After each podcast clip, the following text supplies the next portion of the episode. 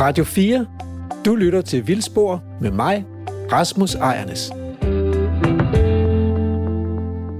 Velkommen tilbage til øh, Vildspor, som i dag handler om, øh, om jagt. Vi er på reportage øh, ved et gods, hvor vi er ude med på en krondyrjagt.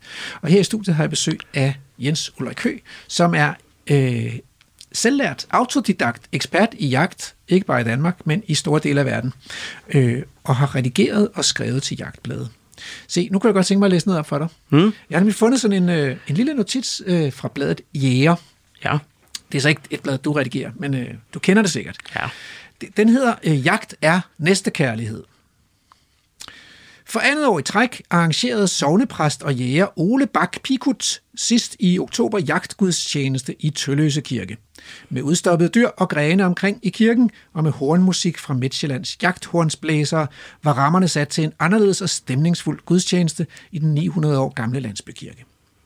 Når man som jæger færdes ude i naturen, føler man ofte en stille taknemmelighed over skaberværket, sagde Ole i sin prædiken, der handlede meget om begrebet næstekærlighed.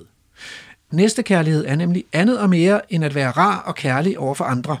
For ligesom forældre udviser kærlighed, når de opdrager deres børn, handler næstekærlighed om at tage livet alvorligt og om at tage ansvar. På den måde kan det være et udtryk for næstekærlighed, når jægerne tynder ud i vildtbestandene, hed det. Ja, så. Nu tænker jeg mit Ja. som, som biolog. Ja.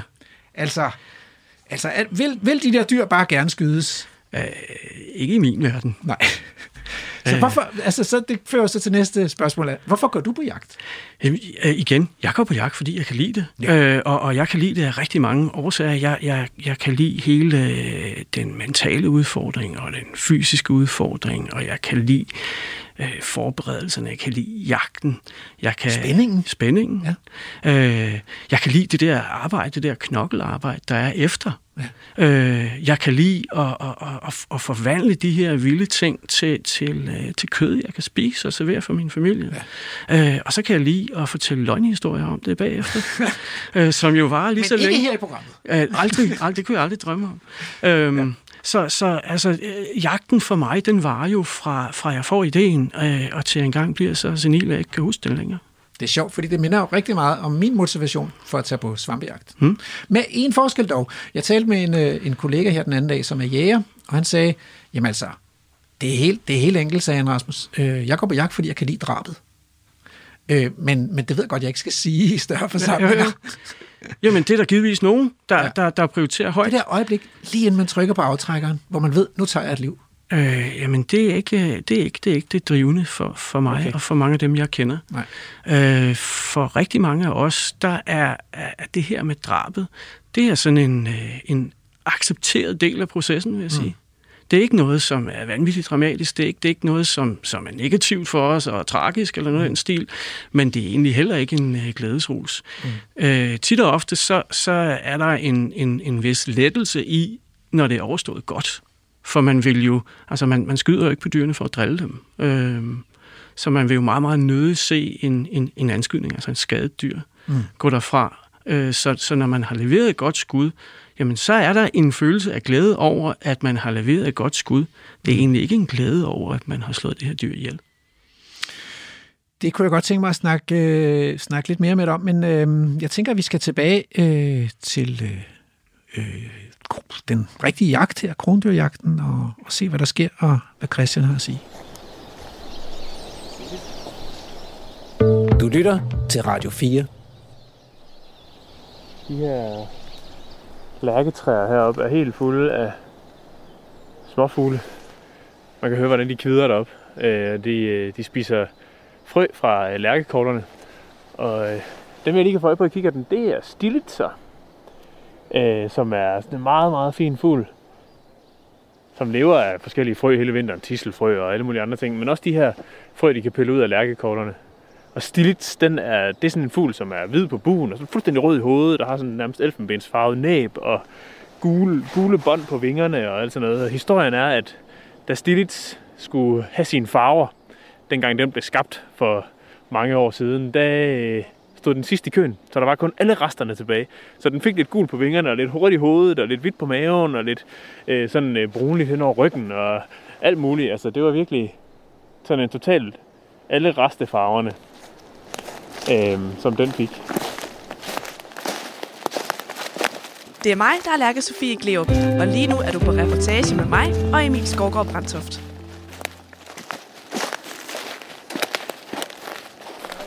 i ryggen.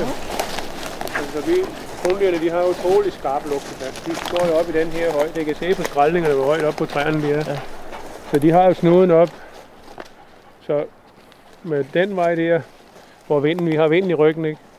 Der vil, der vil krondyrene være opmærksom på os flere hundrede meter ind i, i, øh, i bevoksningen her. Så, så, så når man skal, ligesom skal prøve at, at flytte dyrene stille og roligt, så er, det, så er det vigtigt, at man starter med vinden i ryggen, som vi nu gør her. Ikke? Sådan at, at dyrene de er opmærksomme på os, de ved, hvor vi er. Og så når de så øh, flytter sig i forhold til det, jamen så er de steder, hvor jægerne sidder i god vind af dyrene for eksempel, der kan de jo ikke lugte dem.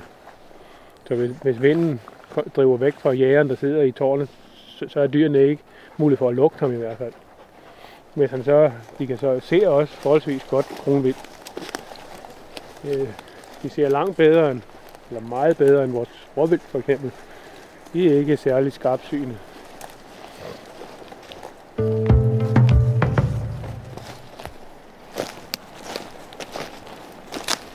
Ja, så klokken den er nu blevet øh, 20 minutter i 11, og vi har øh, gået herude et, øh, et stykke tid efterhånden her sammen med Christian og, og de tre meget aktive hunde. Og vi går altså her med, med vinden i ryggen, så vi øh, ligesom kan give vores færd videre til, øh, til de her krondyr, som så måske vælger lige at flytte sig lidt. Og, øh, og håbet, når man så driver, det er jo selvfølgelig at, at drive dem ned til de jæger, der sidder klar i tårnene længere syd for os. Og øh, ja, jagten øh, her fra formiddagen, den slutter omkring sådan klokken kvart i 12, så der, øh, der er der altså tid til at tage hjem til frokost. Så der er lidt tid at løbe på endnu, en god times tid. Og vi stod øh, tidligere og, og talte her lidt længere tilbage, hvor vi faktisk hørte et par skud. Men øh, der har ikke været så meget aktivitet på Christians Radio til gengæld, så jeg ved ikke lige, om det rent faktisk er nogen fra den her jagt, der har haft heldet med sig. Christian, når vi går herude, du havde jo radioen med, øh, hørte vi tidligere, den har øh, skrattet lidt undervejs. Bliver der meldt ind, når folk de, øh, de har ramt noget? Nej, ikke i dag. I dag, i dag der, der, der holder vi styr på det hver især.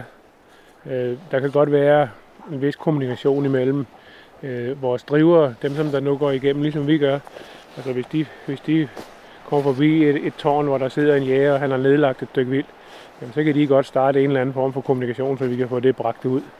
Så vi, det er mest i forhold til frokosten, at vi får vildt hjem og får startet med at få, få brækket det og så slagte det. Som man, men, men altså på større jagter, hvor, hvor øh, at man nedlægger mange dyr, jamen der kan det være en fordel, at man ligesom løbende får at vide, når der er blevet nedlagt dyr. Så, så det hold, som der kører vildtet hjem, at de får, får besked om, at, at nu er der nedlagt nogle dyr der og der, og og, og, så vi kan starte den proces før. For ellers så kan det blive en lang dag, hvis det er, at vi venter til kl. 3 om eftermiddagen med at samle alt vildt sammen og begynde at brække det op. Og vilderne han kommer kl. 7 om aftenen og skal hente alt vildt, ikke? Så, så, men i dag der, den regner ikke med, at vi skyder så mange dyr anden, end, end vi næsten de bliver omsat imellem de jæger, der er med, øh, der, der tager dyret med, dyrene med hjem og, og får dem spist. Så vi, vi har ikke den skarpe bagkant med, at vi skal være klar til vildhandleren, han kommer. Så, så den kommunikation, der foregår i dag, det er mest, altså ser vi nogle dyr, øh, vinden har ændret sig, vi prøver at gå ind på en anden side og sådan nogle ting der. Så det er vores driver, der snakker sammen. Og vi kan selvfølgelig også komme i kontakt, hvis der er et eller andet. Og man danner sig et billede af, hvor er skuddene faldet, og, og, og hvem skal hjem og have fat i. Vi har sådan to små ATV'er med trailer og en lille øh, vogn bagefter, ikke, som der kan køre ind alle vejen. Og vores unge mennesker, skoveleven, de elsker at komme ud og køre på de der maskiner og komme ind, hvor de kommer til deres ret. Så, så, så det, det er ikke noget problem at få. Men det kan være en lang dag, hvis det er, at man ikke ligesom får startet det og får det koordineret fra starten af. Nogle af de store krondyr er jo ikke nogen, man sådan lige flytter rundt på. Jo. De er tunge, jo. Sådan en stor kronhind, hun, hun vejer over 100 kilo jo. Når hun er brækket og vommen og alting er taget ud, så vejer hun måske 75-80 kilo, ikke? Så der er jo hvad det hedder, en tredjedel mere inde i den. Levende vægt er den jo noget større, så er den ikke sådan lige at flytte rundt med. Jo. Men der kan I se, nu har vi et tårn der. Sådan ser mange af vores poster ud. Så står der sådan en tårn inde i, herinde i tømmerskoven, ikke?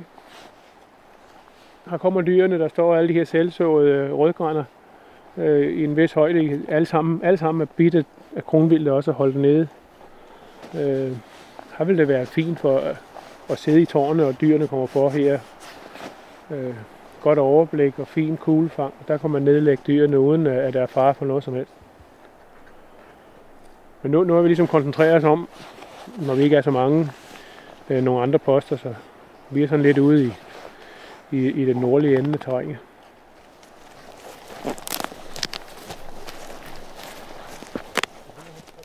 De her, de her små selvtåede rødgrænder her, der er i hvert fald nogle af dem, der aldrig bliver ret gode juletræer, når de sådan bliver, den her ligner nærmest en bonsai udgave. Der er virkelig nogle krondyr, der har været godt i gang her. Det er et meget lille bitte hus, der skal have gulvbrædder ud af dem i hvert fald.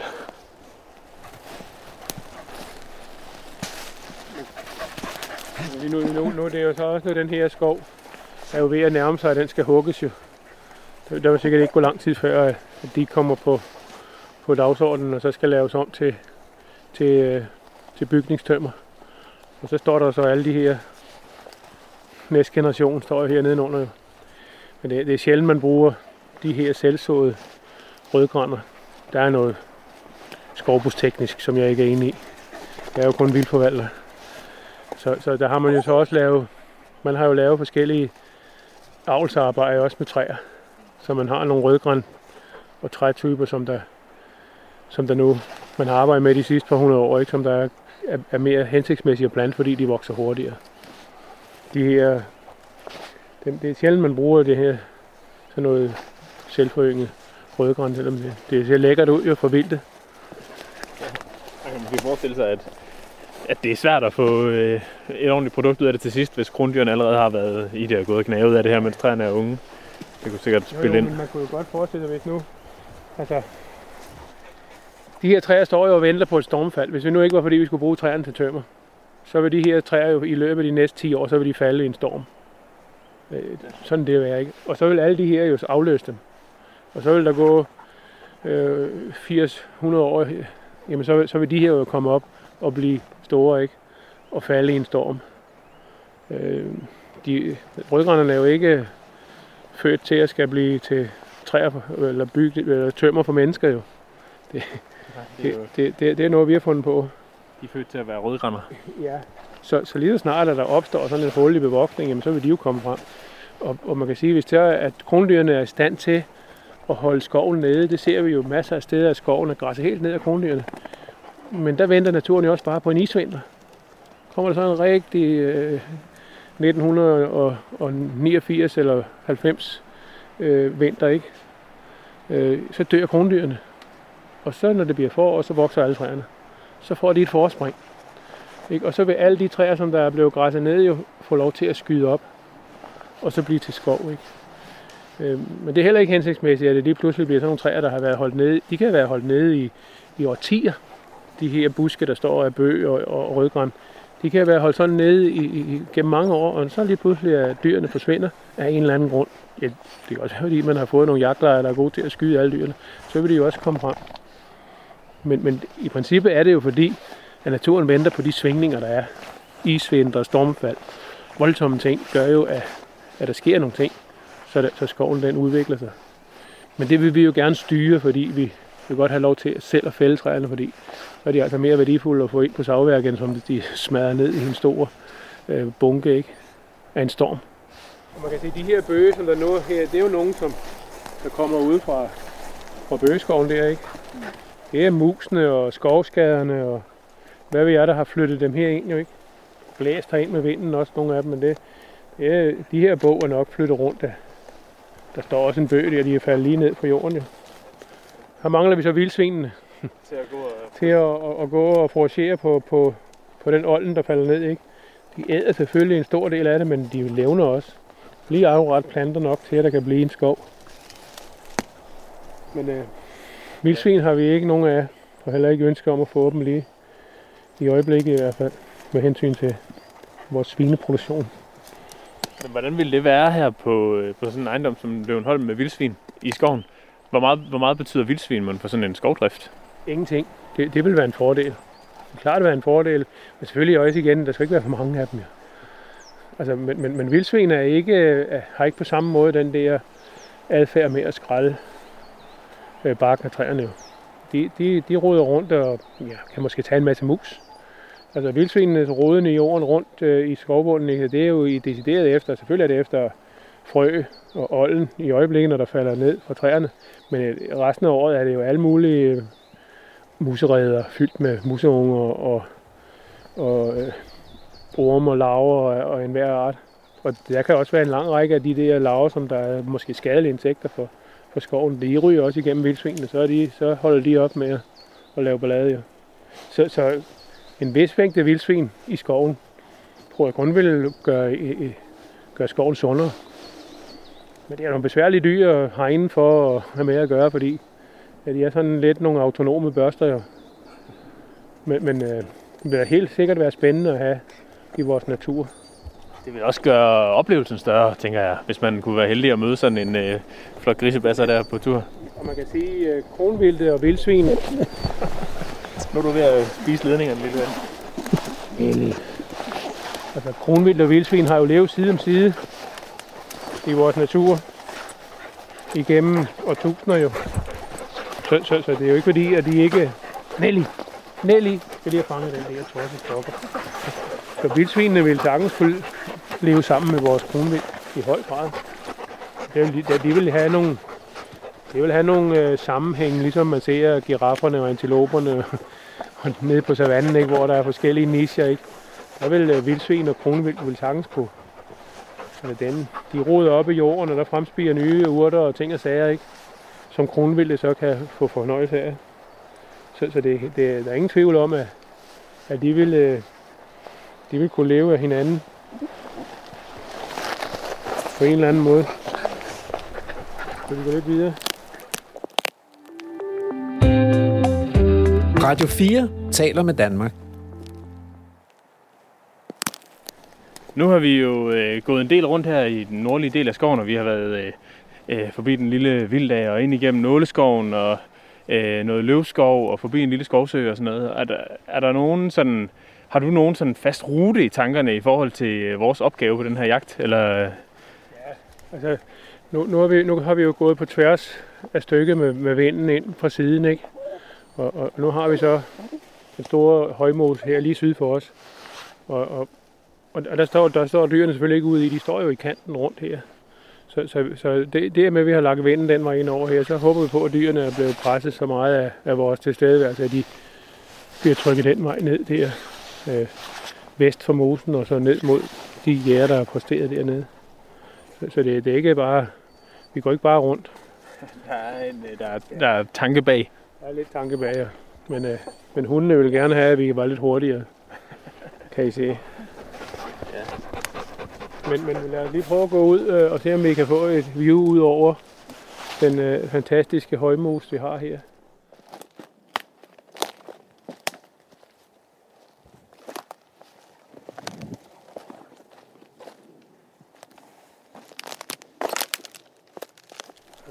Nok, vi er nok nødt til at, at begynde at gå tilbage igen. Klokken den er kvart over 11. Vi skal være vi begynder at samle jægerne ind klokken kvart i 12 om en halv time. Så vi, vi forvilder os længere ud i det her, så tror jeg, at tiden går. Ja, det er godt. Jeg har næsten lige lavet en krøllebølle. Og en Lavet en, lavet en krøllebølle, sagde han det? Ja, det kan snakke om. Det her, det, det er sådan øh, det nærmeste, vi kan komme på vild natur hernede i, i Gæsing Mose, hvor det udvikler sig selv og og det her en, jeg ved ikke, hvad de, hvad de kalder de her projekter, live-projekt, tror jeg det er, med nogle, øh, der, der, der skal finansiere det at få sat mosen, ændre vandstanden, så den øh, kommer til at leve igen. Der har jo været hentet tørv her øh, for 100 år siden jo, øh, og, og frem til, til under krigen jo. Ja, det er også nok 100 år siden jo. Og så er der også øh, ved at få genetableret de her, øh, få dem til at leve igen, højmoserne, så er der sådan en, en ren natur- biodiversitetsgevinst med at få, få genoprettet de der levesteder, som har været under hårdt pres fra tørvegravningen og dræning af moserne og alt sådan noget. Ikke? Der er mange af vores sommerfugle, som er knyttet til, til højmoserne og sådan noget, som kan få lidt luft under vingerne igen, hvis, øh, hvis de bliver genoprettet. Det, det er jo helt bestemt et super spændende naturtype, højmoserne, fordi den er så næringsfattig, og det, og det er også det, som der er rigtig svært, fordi vores mm, miljø er jo meget øh, næringsrigt jo, og vi har stor nedfald af, af kvælstof fra, fra, fra luften og så videre, så, så, så når man skal etablere de her højmoser, så, så skal alt drænvandet jo ledes ud. Der må ikke ledes vand ind i, og det skal, det, det skal være meget næringsfattigt. Det skal faktisk kun være regnvand, som der kommer til højmosen, ellers så øh, får man ikke den proces i gang. Men når først de begynder at, at, at er etableret, og, og, og den bliver en fin højmos, så, så, så vil den også øh, have sit eget liv. Det er også her, den enkelte uld, der har strejfet rundt, den har slået sig ned, når den har været her forbi. Ja. Så, Djurslandulven, som også har været en tur ude forbi øh, det nordøstlige Djursland. Hvordan, øh, hvad, hvad tænker sådan en vildforvalter egentlig om, at der kommer ulv til, det er øh, jo- til skoven? Det er, jo, det er jo spændende.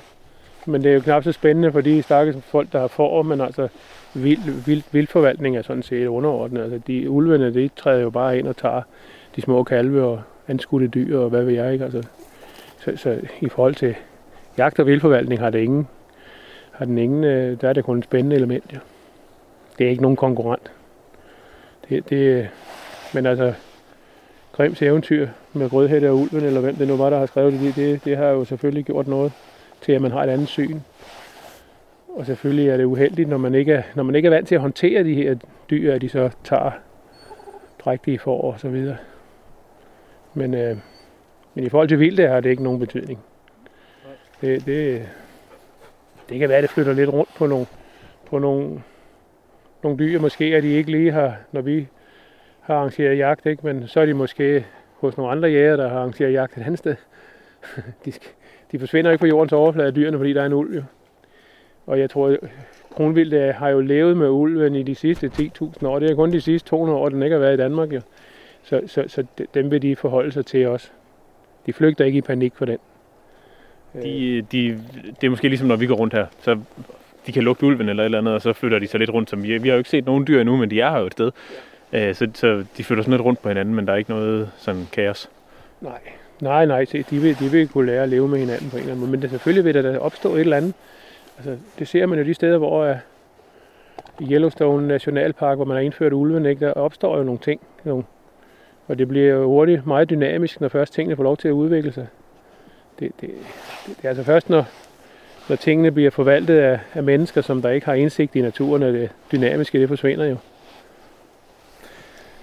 Men øh, Christian, hvis vi skal nå tilbage til ja. kvart i 12, så kan det være, at vi skal finde vejen igen. Vi går tilbage, så vi er kommet, så vi ikke farer vild.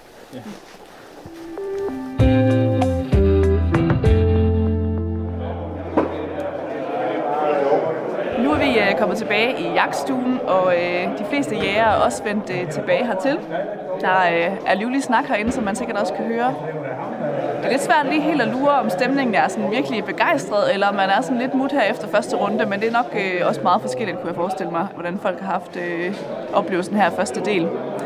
Men, øh, men Christian, inden vi øh, kaster os over frokosten, så kan det være, at vi lige skal snakke lidt om, hvad din interesse egentlig er for det her med at forvalte dyrene. Altså, hvordan er du ligesom kommet ind i den her øh, branche, kan man sige? Ja, nu, nu kan man jo nok se, at jeg ikke er helt ung, jo, og, jeg, og jeg snakker heller ikke jysk. Så, så jeg har jo en fortid fra, fra Sjælland og øerne, øh, hvor jeg har arbejdet med, med forvaltning af småvildt. Øh, og det er jo mest opdræt og udsætning af fasaner og jagt på, på fasaner og den slags ting. Men, men det, det har altid været min, min store interesse til selve forvaltningen af naturen. Øh, naturplejen i forhold til jagten øh, har sådan set været en større del af min interesse end som selve jagten. Øh, selvfølgelig da jeg var 20-30 år, var jeg meget mere jagtinteresseret, eller skydegal kan man sige nærmest, øh, end som jeg er nu, fordi nu, nu øh, er det ikke ret meget, jeg selv skyder. Øh, men det er i højere grad det at, at arbejde med forvaltningen af, af en vildbestand, og måske i, i endnu højere grad den natur, som, som, som vildbestanden hører til i, øh, som, som, som der har min helt store interesse. Øh, og, og det, det er sådan set det, som der er, er, er, min, er min drivkraft. Det er, hvordan kan man løse den her spændende opgave med at få, få mennesker og, og vildt til at, at, at spille sammen. Øh, så, så, så der er plads til os alle sammen. Øh, og, og, og vi har en, en vildbestand, som der er sund og, og, og, og agerer på en, en naturlig måde. Øh, det, det er jo rigtig svært, når det er, at vi, at vi som mennesker griber så meget ind i naturen, som vi gør. Men, men, men altså, jeg tror på, at, at, at hvis vi arbejder sammen i, i større områder, og vi også får noget lovgivning til, at, som der på en begavet vis hjælper os til at gøre de rigtige ting, så, så, så, så kan det sagtens løses. Altså det, det er præcis de samme ting, som vi står overfor med alle mulige andre problemer. Altså klimaændringer og hvad vi er. Så hvis det er, vi spiller sammen og gør noget begavet, så, så kan vi godt løse det her. Og vi kan også godt løse problemet med vores, med vores vildbestand. Og jeg håber også på, at, at altså en, en sund og velfungerende vildbestand er jo også en indikator for, at der er en eller anden form for natur omkring de her dyr. Altså det er jo lige fra insekter op efter, som der refererer til kronvildgødning og hvad ved jeg ikke, som, som der bliver til gode set. De træer, som, som kronvildt de knæver i stykker og, og, og, og går i forfald, jamen de har også, der er også noget liv omkring det jo. Øhm, og det er sådan nogle ting, der interesserer mig, og, og det håber jeg at være sådan en lille boldværk i forhold til det mere øhm, produktionsorienterede, som der foregår på sådan en ejendom. Øhm, så, så det er det, der i højere grad er min interesse nu, end som at gå på jagt og, og skyde en hel masse vildt. Det, det har jeg sådan set prøvet i min, i min tidligere øh, engagement. Nu øh, kan vi høre i baggrunden, at folk er begyndt at øh, kaste sig over frokosten.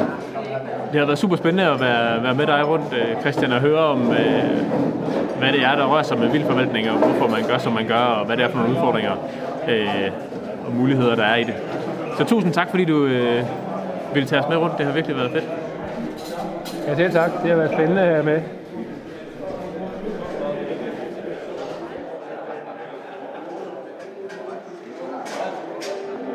Du lytter til Vildspor med mig, Rasmus Ejernes.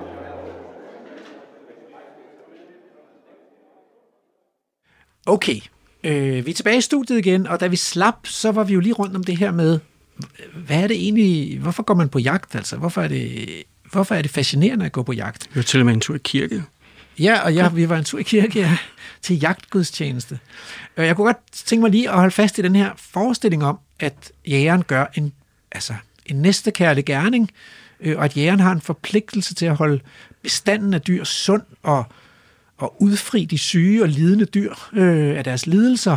Øh, det er jo sådan en form for aktiv dødshjælp, eller sådan noget. Øh, eller forestilling om aktiv dødshjælp. Hvad, hvad tænker du om det? Jeg tænker, at lige præcis den, den forestilling der øh, havde nok, var nok betydeligt stærkere iblandt jæger for 50 år siden, end den er i dag. Øh, Hvordan det? Jamen, øh, sådan lidt germansk øh, jagtkultur er der jo meget med det her, med, med, med, med jægerens forpligtelser. Og, Racehygiejne? Eller? Nej, ikke helt. Ikke helt, Nej, okay. ikke helt. Det er mere over i, i hundeavl, vi er der. Nej, men, men mere det her med, med, med, med, med sådan en, en, en, en, en voldsom, øh, nærmest øh, rituel øh, respekt for, for, for vildtet, som en gang imellem... Øh, må se meget, meget spøjst ud for udenforstående, vil jeg sige. Og jeg tror, jeg tror at meget af det her, det, det er levent fra den gang. Okay, fordi øhm, jeg, jeg tænker jo altså, hvis der er et lidende dyr, ikke, eller, eller et lidende menneske for den sags skyld, så kunne jeg måske godt være med på aktiv dødshjælp, men, men jeg vil nok have et lille forbehold, der hedder, at, altså, at der skal være en form for samtykke. Det har jeg så ikke. Okay. Altså, hvis, hvis, hvis, øh, hvis, hvis, hvis en af mine hunde bliver rigtig, rigtig syg, så skyder jeg den. Ja. Øh, men er ikke bare, fordi det er besværligt at have sådan en hund, syg nej, hund hængende? det er fordi, det, jeg synes, det er synd for den hund. Okay, men øh, det gør du forhåbentlig ikke med din gamle mor? Nej, det gør jeg ikke. Hvis hun bliver men det er også, fordi hun bor på Langeland, og jeg bor i Sverige. oh my god. Så. Øh, men hvad hedder det? Prøv at høre. Øh, hvem ved, altså, for, for to uger siden, der spurgte jeg Ulrik Lorentzen, han er, han er skovrider øh, ude ved Oksbøl, og han var ved at arrangere sådan en jagt på krondyr i Oksbøl, krondyrreservat. Jeg spurgte ham, om han var sikker på, at dyrene gerne ville skydes.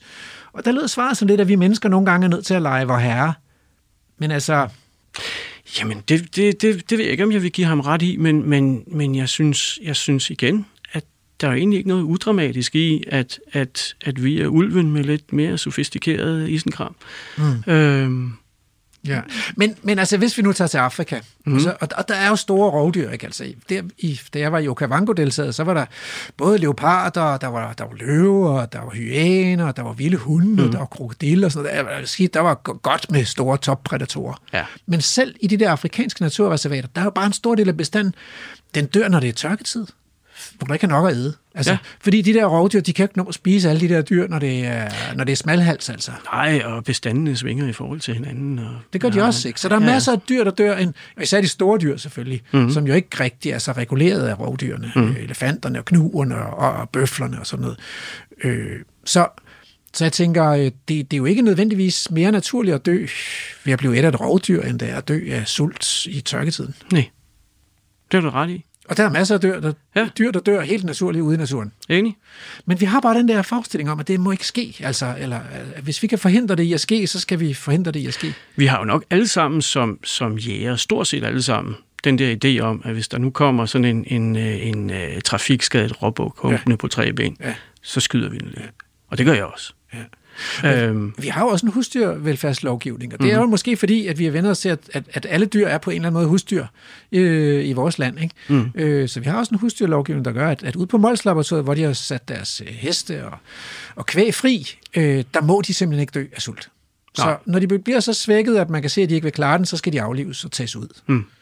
Det er jo ikke særlig naturligt, altså. Og det går endda på Molslaboratoriet, for der er kun 120 hektar, så de, Jo, kan, jo. jo, de kan jo tælle deres dyr hver dag. Ikke? Men tænk, hvis nu man gjorde det i, øh, i Thy. Hvis man nu sagde, Thy Nationalpark, 21.000 hektar. ja. Fra i morgen, så er det vild natur, og nu må der være lige så mange dyr, der skal være.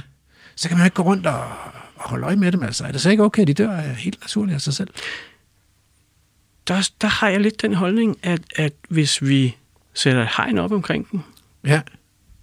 så er det ikke rigtig vilde dyr længere. Så det er ikke vilde dyr, dem der er i Kryger Nationalpark? Ikke 100 procent, nej. Så du synes, de skulle skyde dyrene i Kruger Nationalpark? kryer er for stor. Der må, er der, må, stor. der må være sådan en eller anden, Så der er der må en være sådan en eller, anden, en eller anden grænse. Ikke? Ja. Øhm, I kryer er der også masser af naturlige rovvildt, ikke? Øh, men på mange af jagtområderne i Sydafrika, som er de der 5, 10, 15, 20.000 hektar, Ja. der er jo ikke rigtig nogen store vilde rovdyr. Ja. Øhm, og, og der vil du få nogle voldsomme udsving i bestanden, hvis ikke man hele tiden tog toppen. Hvis ikke man hele tiden legede rovdyr. Det er jo så Men- også nødvendigt af hensyn til økonomien i det tilfælde, kan Det man kan jeg så godt sige. forstå. Og ja. der kan man jo argumentere for, at vi mennesker så skal ind og ligesom at, at simulere noget prædation, hvis ikke der er en naturlig mm. prædator, eller at det i hvert fald vil være fint og okay. Ja. at gøre det. Ikke? Ja. Øh, men det er jo ikke det, vi gør i Danmark. Altså, i Danmark bliver bestanden jo skudt ned til, det ved jeg ikke, 5 eller 10 procent af, hvad der vil være af dyr naturligt. Det gør man vel ikke i Sydafrika, der vil man jo gerne have mange dyr. Det vil man absolut. Ja. Øh, og det kan jeg garantere dig for, at de fleste af jægerne i Danmark Ja, også gerne tænker- det vil. tænker nok. Ja. Ja. Men, men, og det er også lidt forkert at sige, at vi skyder bestanden ned til. Vi holder bestanden nede på. Ja. Fordi kronvildbestanden for eksempel har mig bekendt ikke været større de sidste 200 år, end den er lige nu. Nå, men omvendt så er vi også enige om, hvis man holder op med at skyde krondyrene Så vil de der komme 20 mange år, krondyr. Ja. så vil bestanden blive tidoblet eller et eller andet, altså. Ja. Og landmændene vil blive rigtig, rigtig trætte. Landmændene blev helt enormt kede af det. Ja. Jamen, det er fuldstændig rigtigt.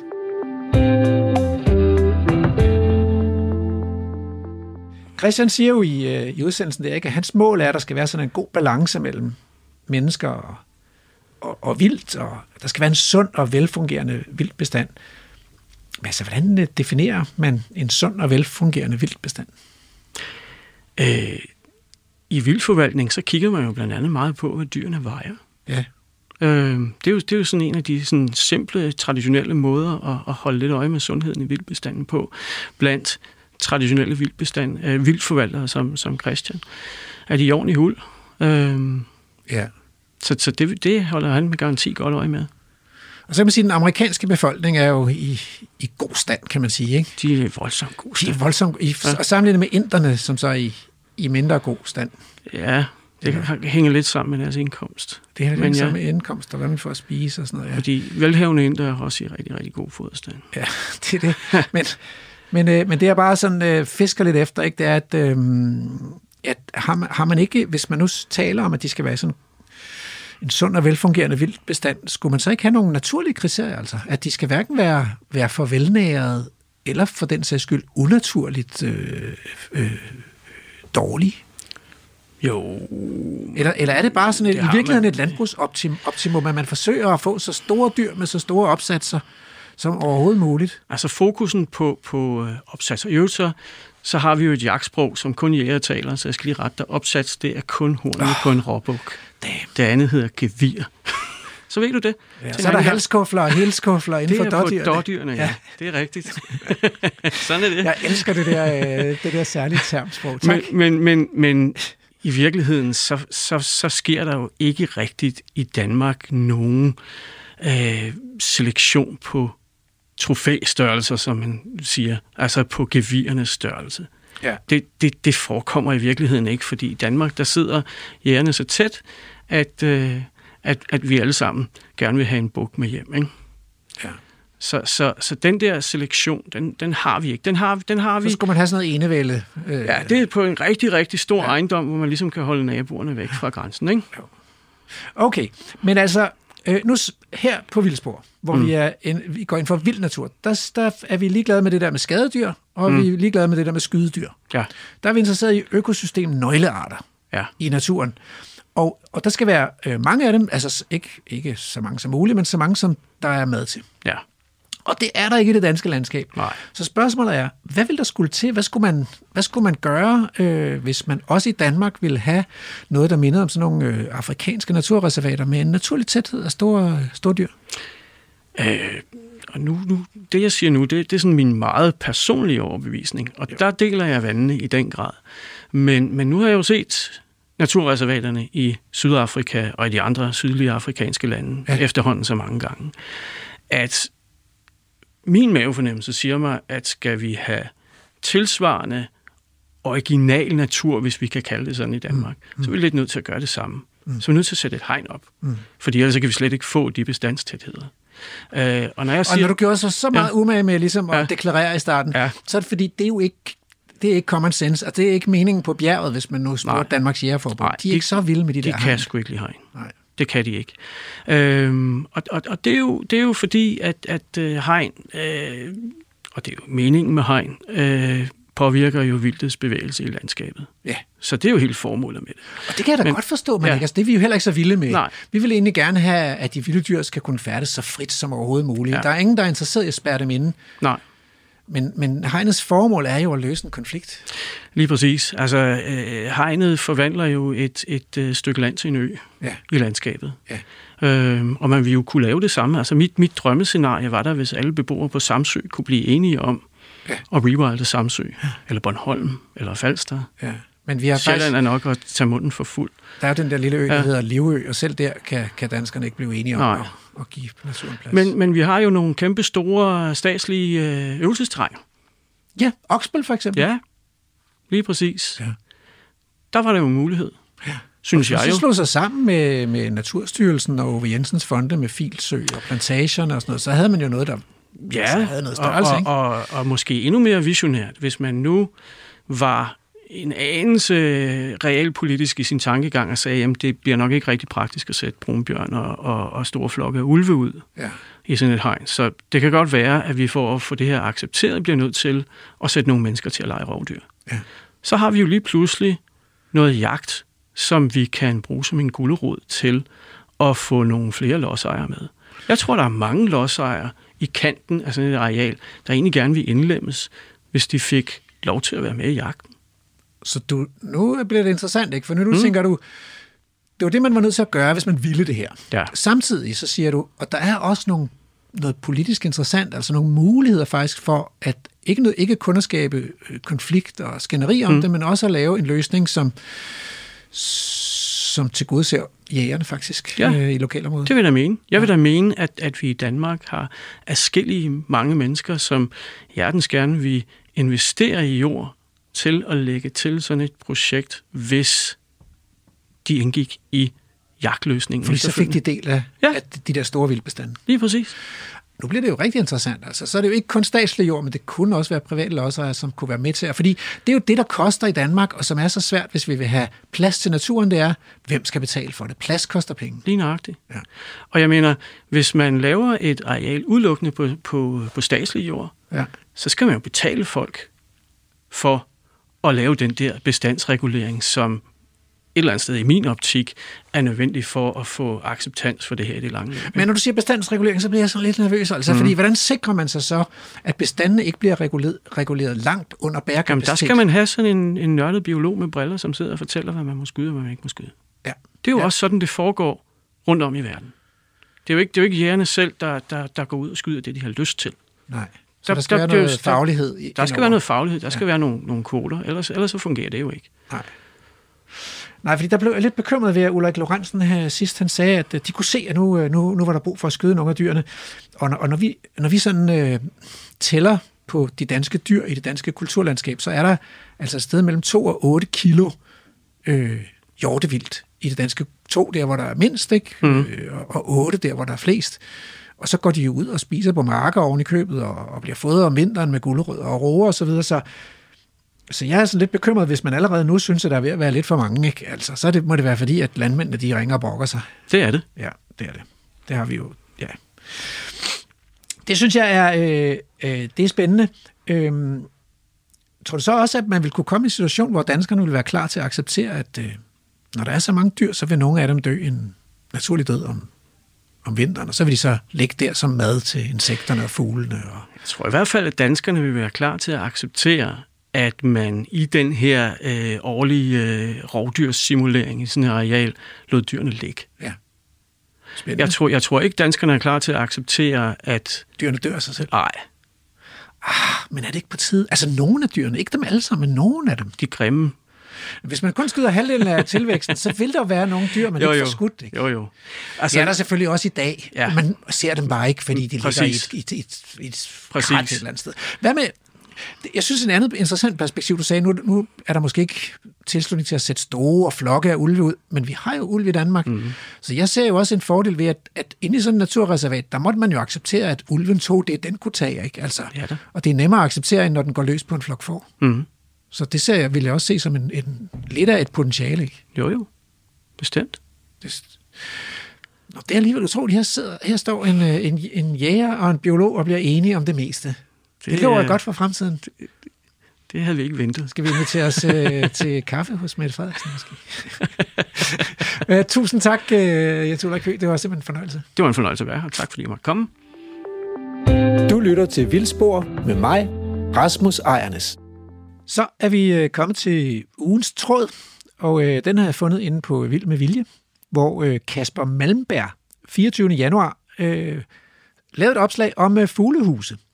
Og Kasper skriver, Fuglehuse er en god erstatning for fuglenes naturlige redesteder i den velfriserede have.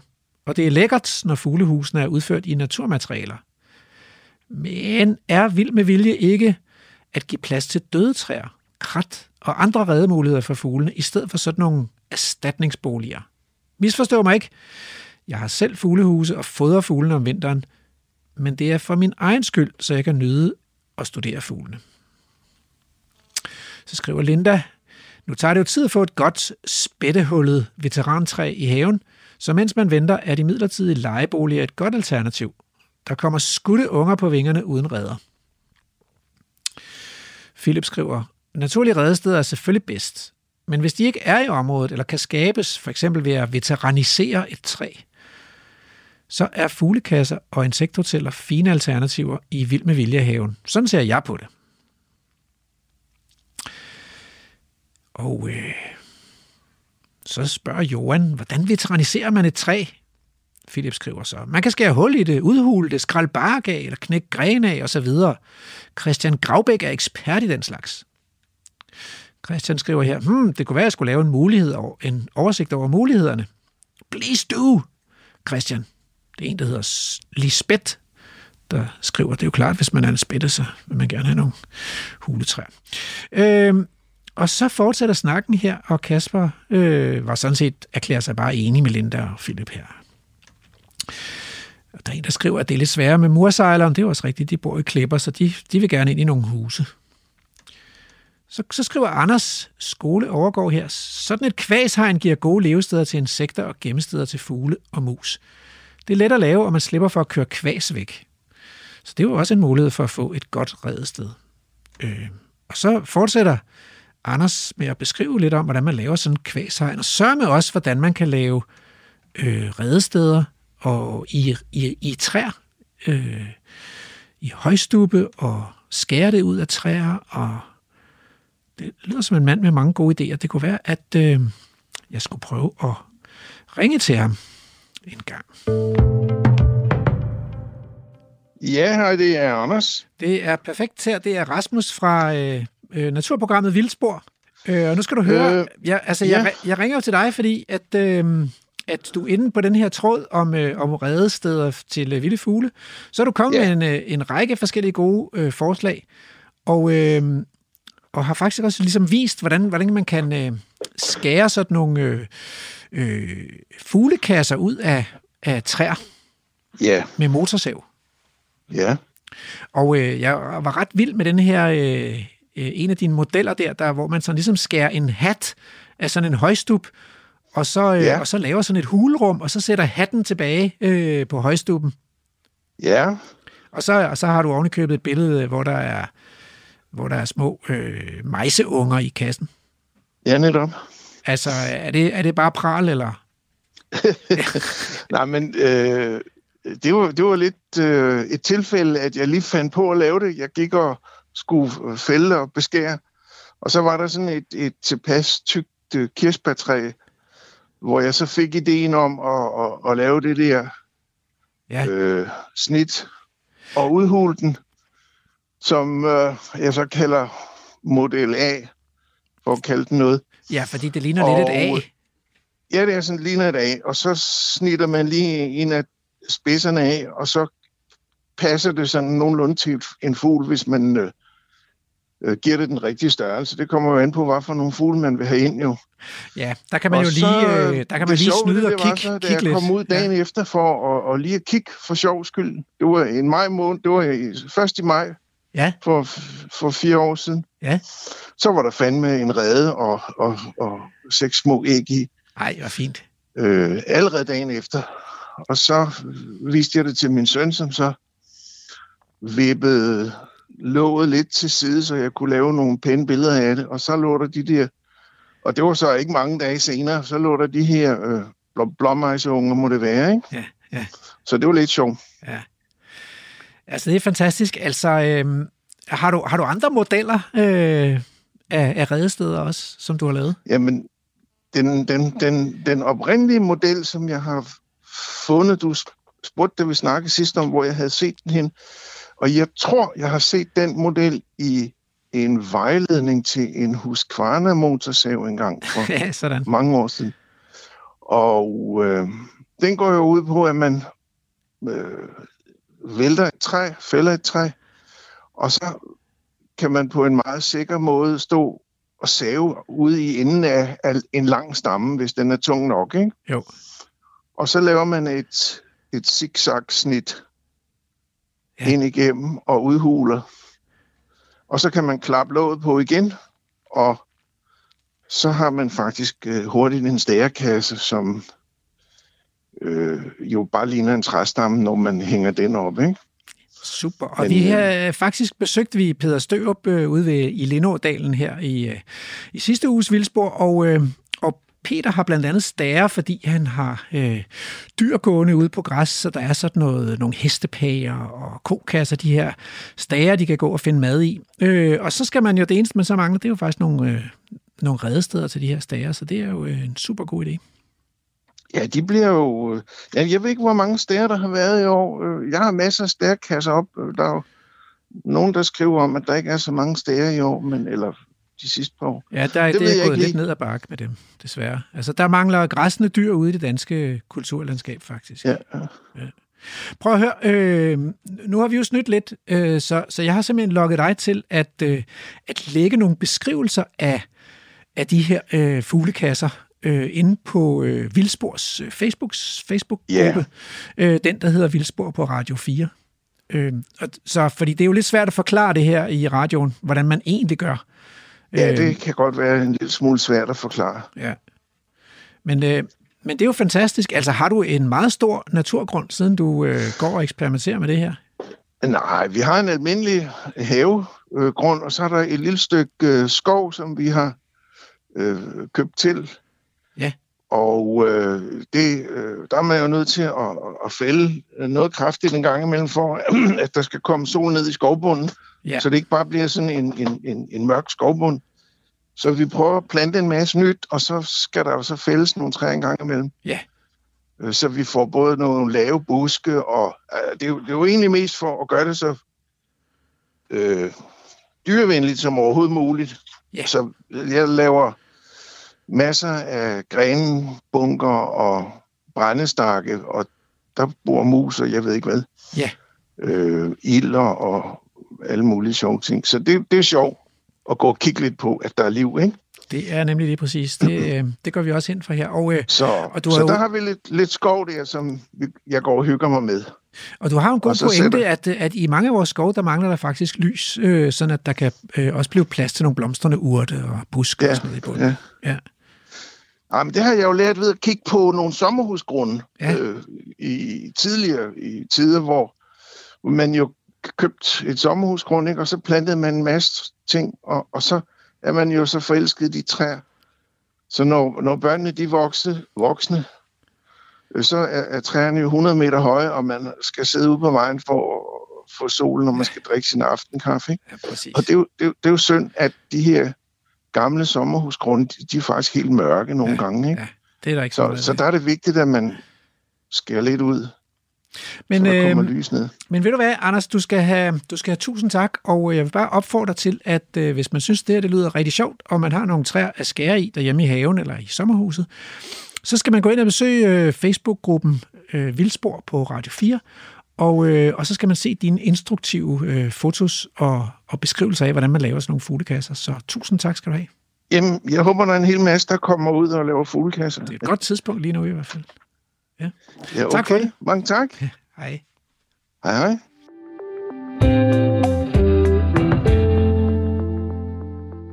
Det er, øh, det er bare en hyggelig idé, og øh, der er selvfølgelig ikke noget vejen med at, at købe nogle fuglekasser og hænge dem op, og det er selvfølgelig også, også nemmest. Og, øh, og husk også, at hvis I skal ud og lege med motorsav, så vær forsigtig. Ikke? Man kan købe sådan nogle topkappersave, hvor man kan, det er manuelt og lidt hårdere, men, øh, men også noget mere sikkert, hvis man ikke er erfaren.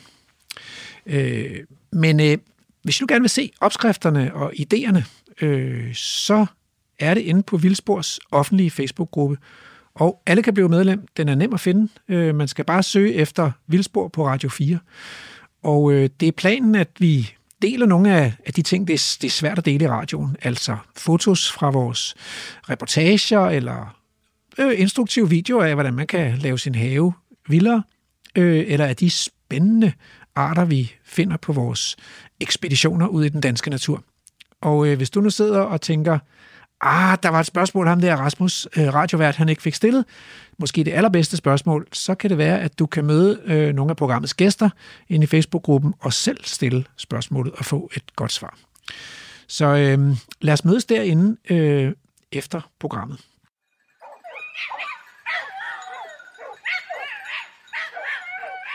Nu lakker det mod enden. Øh, programmet er ved at være slut. Vi har i dag været på krondyrjagt, slyngeljagt, øh, som øh, driver sammen med Christian Stenkær øh, på Løvenholm Gods. Og her i studiet har jeg haft besøg af Jens Ulrik Kø, som er øh, selvlært autodidakt øh, jæger og har været verden rundt på jagt og, øh, og ved meget om, øh, om jagten og har, det endte jo faktisk med, at vi blev enige om, hvordan man kunne indrette et vildere dansk landskab.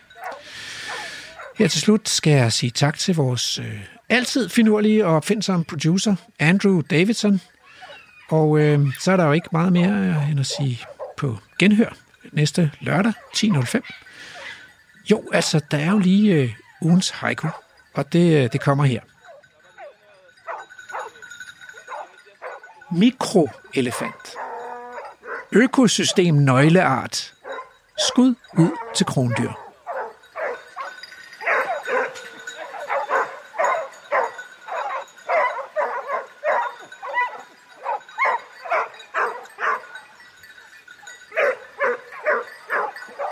Programmet er produceret af Folkeuniversitetet og Aarhus Universitetsforlag for Radio 4.